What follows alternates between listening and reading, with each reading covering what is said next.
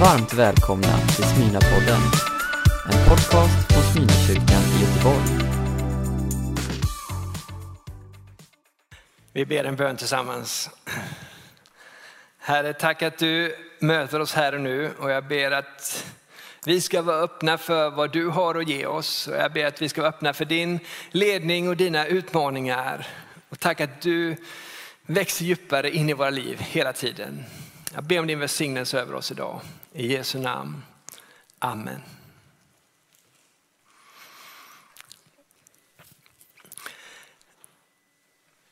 Det första som Jesus gör när han börjar sin verksamhet är att han låter döpa sig av Johannes döparen. Och, och när jag formulerar detta för mig själv så eh, var jag inte egentligen så jättenöjd med detta ordet verksamhet. Alltså, när man talar om Jesu verksamhet, då är det inte som någon verksamhet vad som helst. Utan när jag talar om Jesu verksamhet så är det ju hans liv. Han kom på jorden eh, och då som vuxen efter det här dopet så börjar han röra sig bland människorna. Han eh, undervisar på de mest fantastiska sätt, tar de mest visa sakerna att ge. Han helar och botar människor. Han inkluderar människor som har varit exkluderade av olika skäl. Han eh, visar på hur relationen med Gud verkligen kan se ut. Och, och hela alltet har sitt klimax i när han på korset ger sitt liv för mänskligheten och dör. Men döden kan inte behålla honom, utan han uppstår och öppnar en helt ny väg, inte bara för sig själv utan för alla oss som följer honom och, och, och för alla, alla människor som vill ta emot det. Till en väg till evigheten där döden som tidigare har varit det definitiva slutet inte längre är det. Utan det är på ett nytt sätt, öppet. Alltså det är lite det jag försöker, när jag då säger, och då blir ju verksamheten lite tunt eh, uttryck för det. Alltså det, vi pratar om något stort, men man måste ju ibland använda ett ord för att klumpa ihop. Så, tillbaka. När Jesus då inleder den här verksamheten så gör han det genom att gå till Johannes döparen och låta döpa sig. Och vi ska läsa den texten. Vi läser från Markus evangeliet. Vid den tiden kom Jesus från Nasaret i Galileen och döptes i Jordan av Johannes. När han steg upp i vattnet såg han hur himlen delade sig och anden komma ner över honom som en duva. Och en röst hördes från himlen. Du är min älskade son, min utvalde. Så en fråga som i alla fall jag ställer mig när man läser den här texten är, varför behövde Jesus döpas? Eller hur? Alltså Jesus, eh, han behöver ju inte omvända sig. Jesus är ju Guds son, han är ju den liksom fullkomliga. Ska han liksom göra ett dop? Eller, även om man har en ännu djupare förståelse av dopet, att dopet är liksom ett uttryck för att ta emot nåden in i sitt liv. Jesus behövde väl ingen nåd? Varför låter han döpa sig? Och det finns ju ett antal svar, ett antal aspekter av det. Eh, och, och jag ska bara ge några och sen har jag en av dem som jag tänkt att predikan ska snurra runt idag. Men, men om jag får bara ge några andra först. Så det första är ju att eh, Jesus gör detta som ett exempel för oss.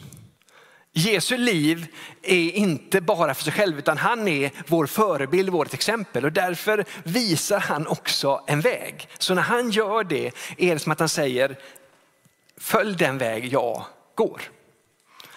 En annan aspekt av varför han gör det är att han vill bekräfta Johannes döparen. Johannes döparen är ju liksom en stor profil på den här tiden, en stor profet. Eh, och Jesus vill bara undersöka så här, ja det stämmer, han är en profet. Och Jesus vill också kliva in i det som Johannes döparen har förberett. Johannes döparen har röjt vägen för Jesus och nu kliver Jesus in i det.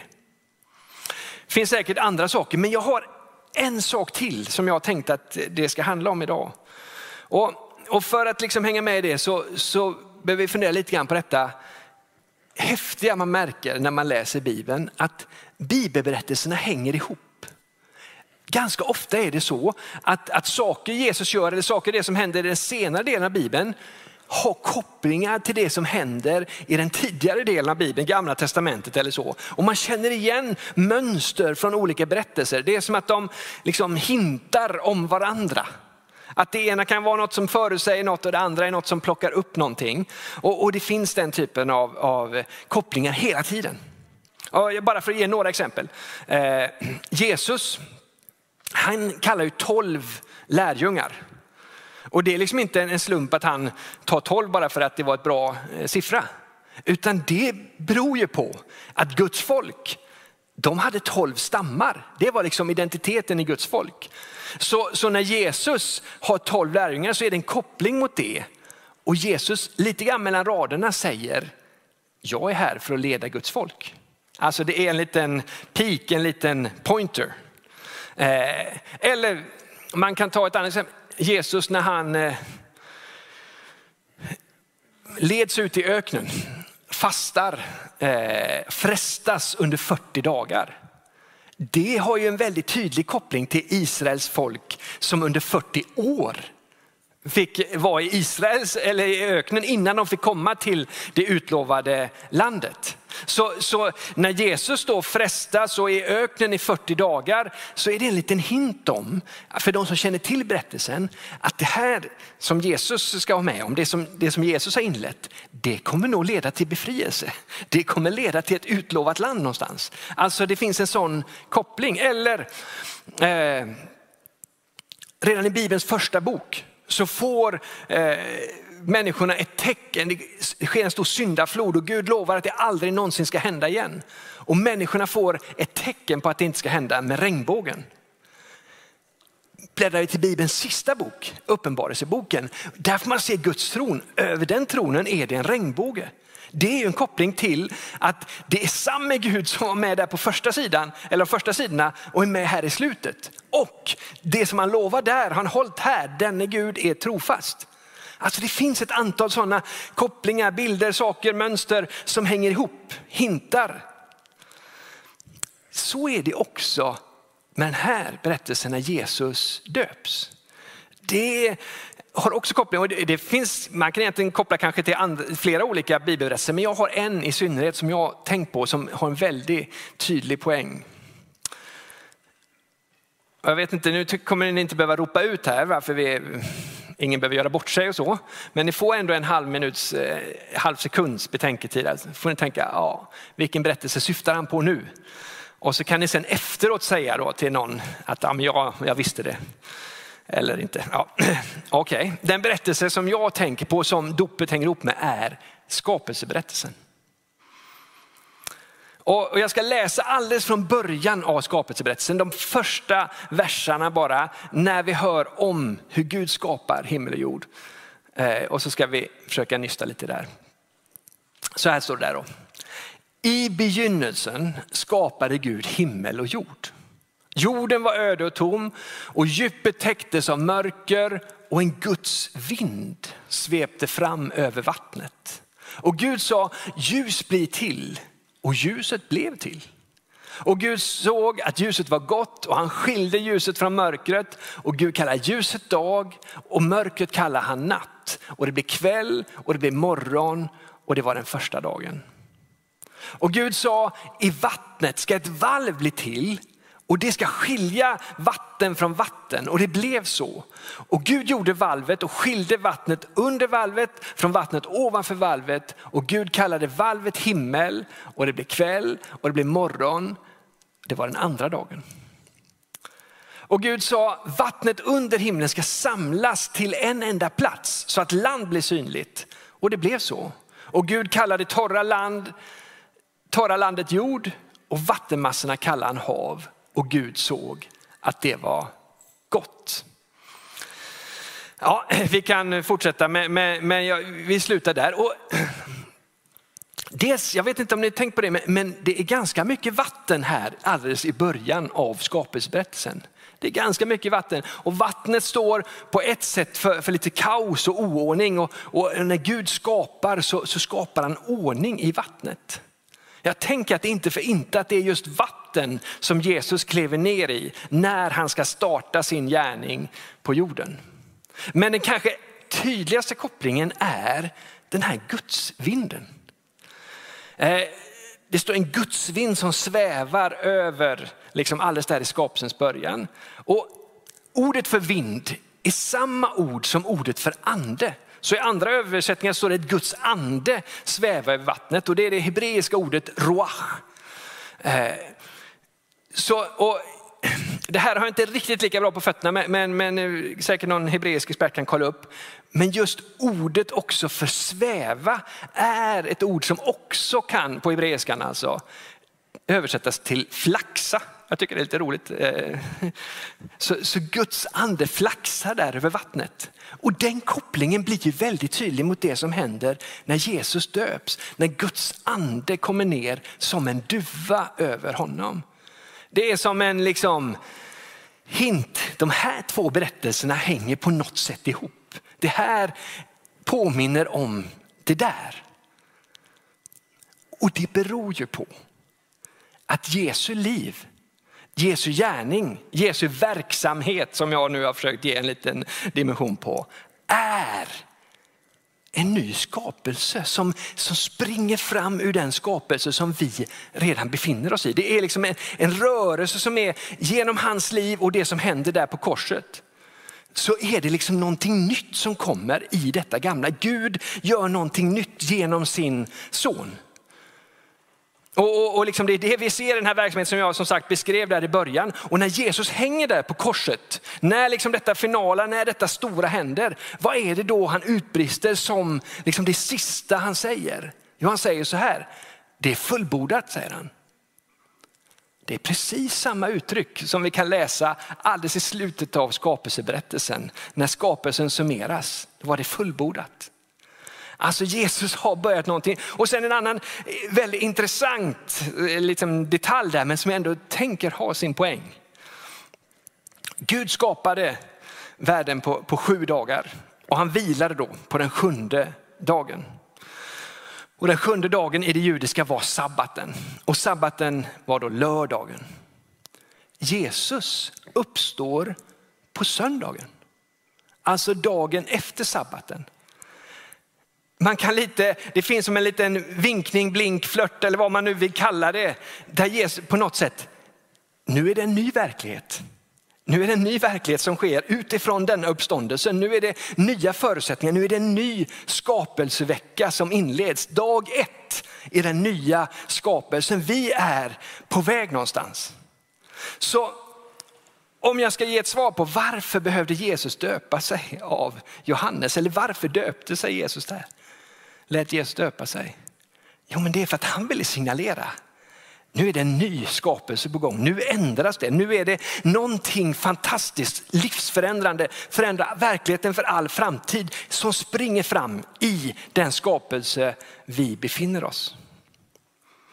Intressant då är att dopet, det dop som vi har här och som Jesus då på ett sätt är en förebild för oss. Det handlar om samma sak. Det handlar också om att vi får ta emot denna verklighet, att, att det sker en ny skapelse in i oss. Någonting nytt händer, en, en förvandling, en förändring börjar ske. Och det är i alla fall så som, som dopet beskrivs. Och, och, vi ska läsa några, några av de här bibelsammanhangen som handlar om dopet. Och, och vi ska börja i Johannesevangeliet när vi har Nikodemus. En, en lärd man. Jesus har sagt till honom, man behöver bli född på nytt. Det där får han inte riktigt ihop. Så då frågar han Jesus, och jag läser från Johannes 3 och några versar in där. Och då säger Nikodemus så här, hur kan någon födas när man är gammal? Man kan väl inte komma in i moderlivet och födas en gång till? Jesus svarade, sannerligen, jag säger dig, den som inte blir född av vatten och ande kan inte komma in i Guds rike. Alltså Jesus på ett sätt talar lite kryptiskt, men vatten och ande, vad är det precis som händer vid Jesu dop? Han blir döpt i vatten och duvan kommer där. Vad är det som händer vid skapelsen? Gud ordnar vattnet och Guds ande flaxar eller svävar runt där. Vad är det som händer när vi tar emot dopet där i dopgraven? Jo, vi sänks ner i vattnet, men vi tror att anden gör något, förvandlar vår insida, börjar en process, börjar en ny riktning.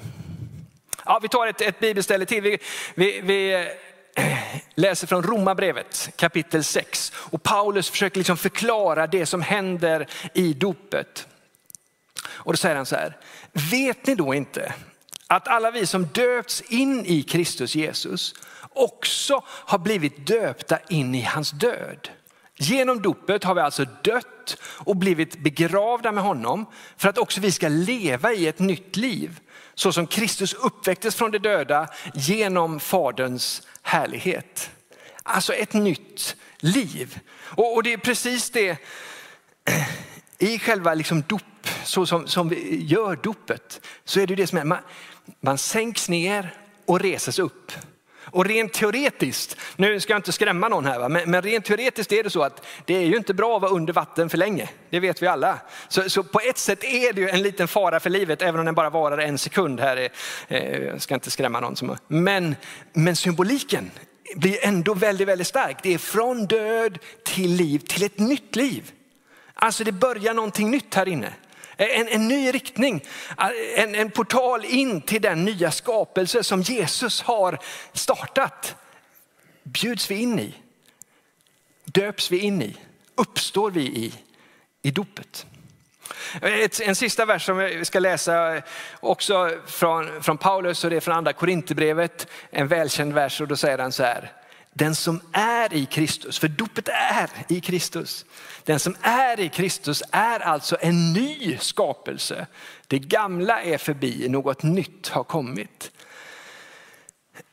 Det är det som händer i dopet, det är det vi bjuds in till i dopet. Och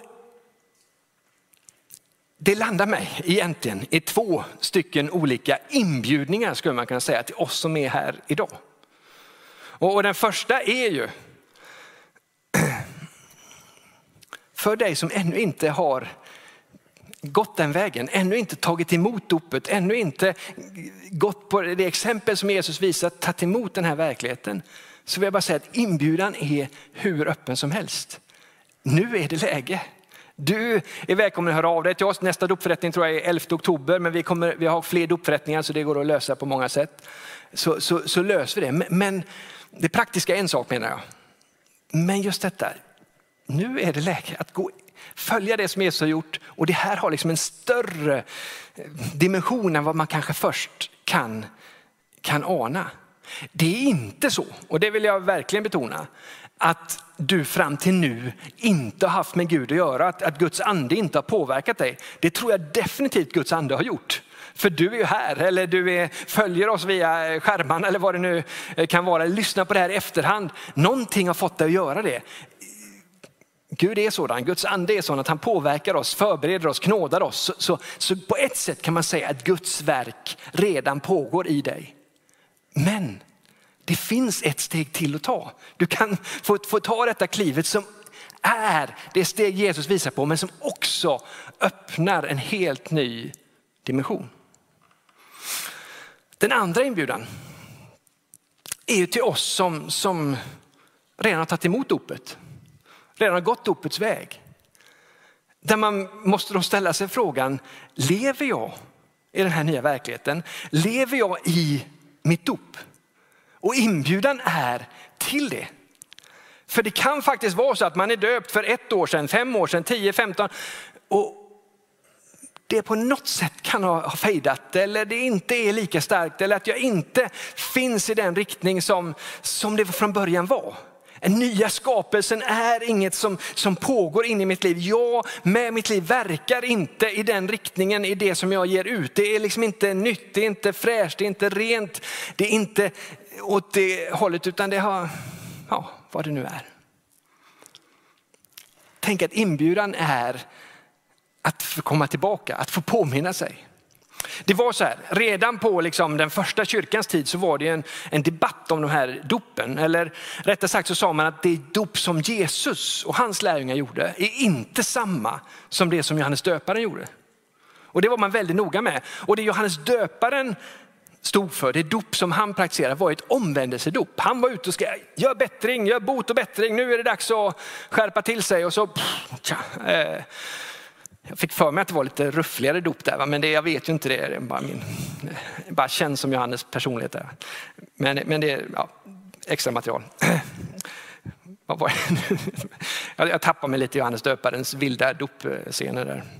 Jo, det här var inget ovanligt i liksom det, det judiska gudstjänstlivet med dop och tvagningar, reningsceremonier. Det hade man ju hela, man tvagade sig, tvättade sig ett antal gånger och det fanns i närheten till templet där, ett, eh, liksom, jag har varit och sett liksom, rena dop eller badbås som man gick ner i olika, eh, samband med olika festligheter, gudstjänster och, och sånt där. Så, så doppar man sig, tvättar sig, tvagar sig, gjorde den här typen av rening. Det, det fanns i, i systemet. Men om dopet bara skulle vara ett omvändelsedop, om dopet bara skulle vara att nu blev det fel, nu gör vi rätt igen. Då skulle vi börja döpas hela tiden. Alltså, eller i alla fall de flesta jag känner. Eh, dopet, då, då skulle vi liksom köa varenda söndag till dopet. Men det som, som liksom det kristna dopet, det dopet som, som Jesus visar på är ett dop till Kristus. Och det innebär att man, man liksom döps in i det han har gjort. När han har offrat sig, när han har förlåtit, när han har renat oss. Så att man inte behöver döpas igen och igen igen utan det är gjort. Man döps in i en gärning som är fullkomlig. Man döps in i hans liksom, person, i Kristus, till Kristus. Eh, vilket innebär att, att man kan vara liksom, trygg, bevara i sitt dop. Självklart inte. Om, om man liksom bara fortsätter att leva sitt liv helt destruktivt, tänka att dopet var som en magisk grej som jag har gjort och nu kan jag liksom bara leva på som vanligt. Då har man ju missat hela poängen. Då har man ju missat hela riktningen av ny skapelse. Det är inte så. Men när man är döpt så kan man få vara trygg i det. Man behöver inte ha frågan, och ramlar jag ur, gjorde jag lite fel, ramlar jag ur, finns jag med? Du finns med. Dopet räcker. Du är i hans gärning. Du behöver inte tvivla på det, du behöver inte döpa om det, du behöver inte hålla på med det där för du finns i det. Man kan, precis som min andra inbjudan är, behöva komma tillbaka till det här dopet. Just det, det är den här verkligheten jag har ställt mig Det är det här jag har tagit emot en gång. Det är den här riktningen jag vill gå i. Nu verkar mitt liv ha tagit kanske lite avvägar. Jag behöver gå in i det igen, öppna mig för det mer och det kanske finns fler dimensioner som du ännu inte ens har upptäckt. Så, så det, det, finns en expansion. Så inbjudan till dig, till oss, är välkommen tillbaka. Om den första inbjudan var välkommen så är inbjudan nummer två välkommen tillbaka. Att få förnya sig i sitt dop, att påminna sig om att jag är en ny skapelse och jag vill gå i den riktning, i den nya skapelse som Jesus satt igång som pågår mitt i den skapelse där vi befinner oss. Och då är det två saker som jag vill skicka med här till sist. Två, eh, det ena är en, en sak att vara uppmärksam på. Jag ska inte säga en varning, för det är egentligen fel ord, men, men en sak att ha med sig vad det gäller dopet. Och det andra, det är en påminnelse om Guds nåd. Och den här saken att vara uppmärksam på vad det gäller dopet, det är ju det att när vi, vi ser på Jesu dop, det som händer direkt efter hans dop är just att han leds ut i öknen och det blir 40 dagar av fasta och frestelser. Alltså en av de tuffare perioderna i Jesu liv. Jag tänker att det finns ett exempel i det också. Dopet är inte, och det gäller både för den som, som döps första gången, men det gäller också för den som kanske bestämmer sig och säger, äh, jag ska tillbaka in i, i det här, jag, det, det har liksom kommit på avvägar, nu vill jag leva mitt dop. Oavsett, så imorgon, eller dagen efter dopet eller när det kan vara, så kan man hamna i svårigheter. Man kan hamna i utmaningar, man möter motstånd och man tycker, oh, det här var tufft.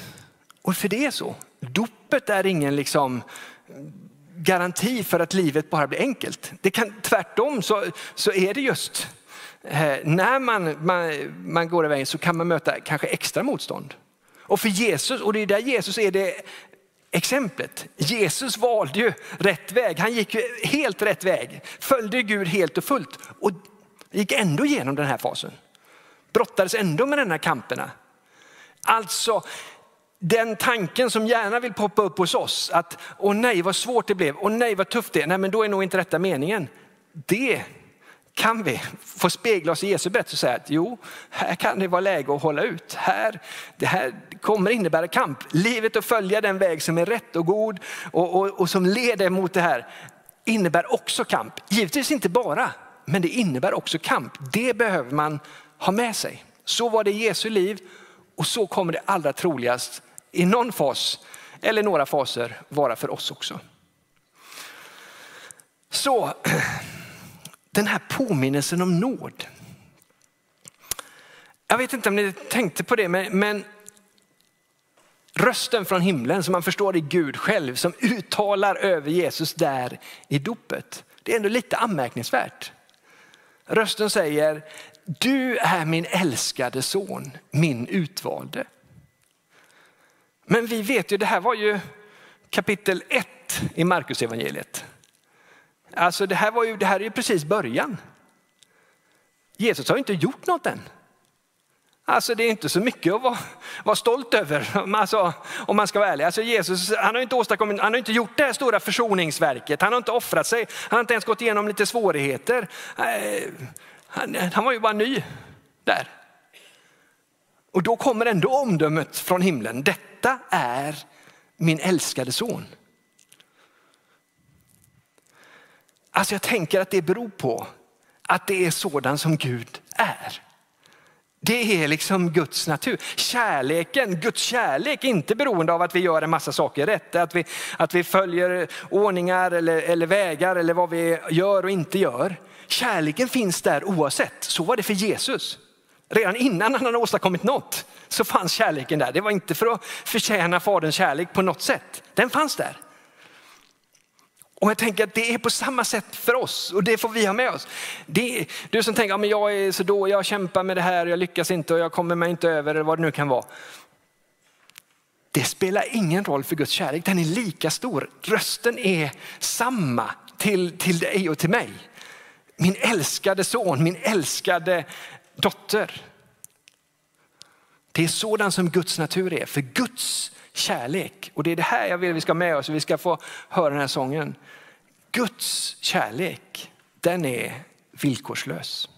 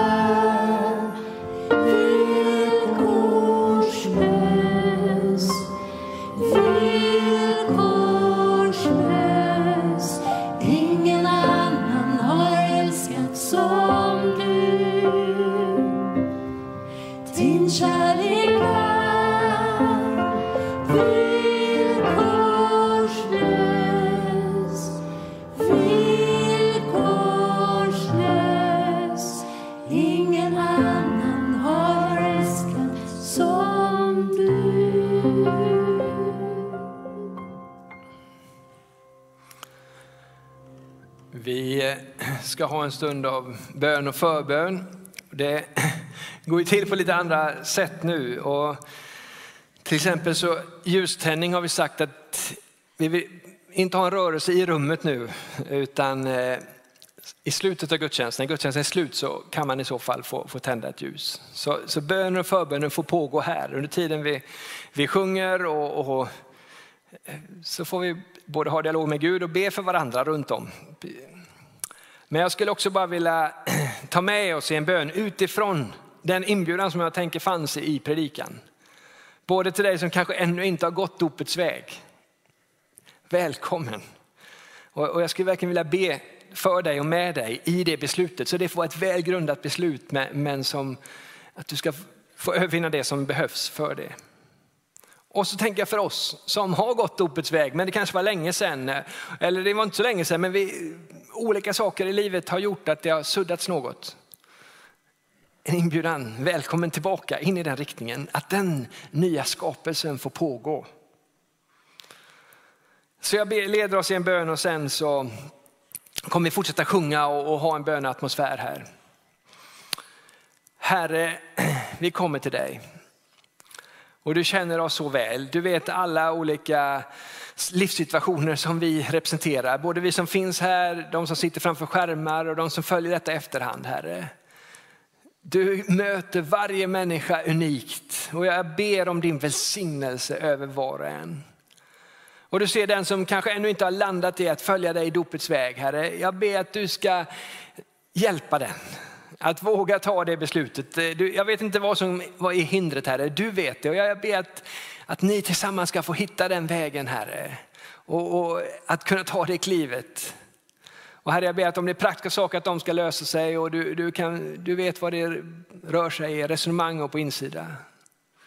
Och Herre, du ser också alla oss som, som har gått dopets väg. Men, men vi behöver bli påminda igen Herre. Vi behöver styra upp igen. Vi behöver ta emot din verklighet än mer. Vi, vi, och jag ber att vi ska våga göra det. Jag ber att vi ska göra det med små och stora kliv Herre. Jag ber att eh, du ska visa på saker i vår vardag, i vårt liv, där vi än mer kan gå din väg, än mer bli den nya skapelse som, som redan är igång. Som, som styrs av kärlek, som styrs av nytt liv, som styrs av, av allt det goda som du har att erbjuda. Och Herre, du ser både de som går igenom tuffa perioder just nu, men du ser de tuffa perioder som kan ligga framför oss. Jag ber om uthållighet, jag ber om kraft, jag ber om, om hjälp och jag tackar dig för att din ande är med oss i det. Din ande flaxar bredvid oss och finns i våra hjärtan. Jag tackar dig att det är så. Och jag ber att var och en som, som har det kämpigt ska verkligen få känna den närvaron. Vi är inte ensamma. Och du ser alla saker som andra bönämnen vi har, personer, situationer, omständigheter. Herre, tack att vi får lägga det inför dig. Herre, du känner dem, du vet dem som ligger nära våra hjärtan. Tack att vi får komma till dig, även med de mest hopplösa fall, Herre, även med de mest svåra situationer. För du står över allt det där Herre och jag ber om din hjälp, ditt ingripande, ditt helande, din beröring, ditt vidrörande Herre. För var och en av de här situationerna, personerna. Tack att du möter oss alla här och tack att vi får öppna för dig. I Jesu namn. Amen. Du har lyssnat på en predikan från Smyrnakyrkan i Göteborg. Hjärtligt välkommen att lyssna igen eller besöka Smyrnakyrkan. Gud välsigne dig och din vecka.